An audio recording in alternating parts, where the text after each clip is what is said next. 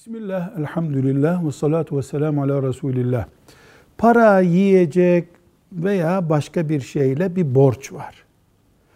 Bu borcu fazlasıyla geri versek, mesela 10 aldık da 11 verdik.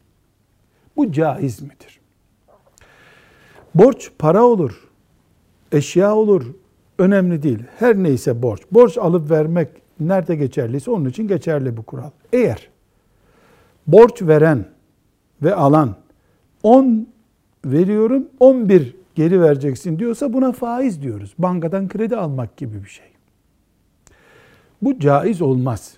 Mesela 10 kilo e, buğday alıyorum tohumluk 11 kilo vereceksin.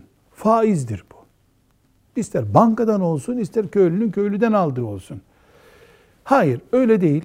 Çok zor bir anımda Allah razı olsun bana 10 lazımdı verdi. Şimdi ben rahatladım 13 veriyorum.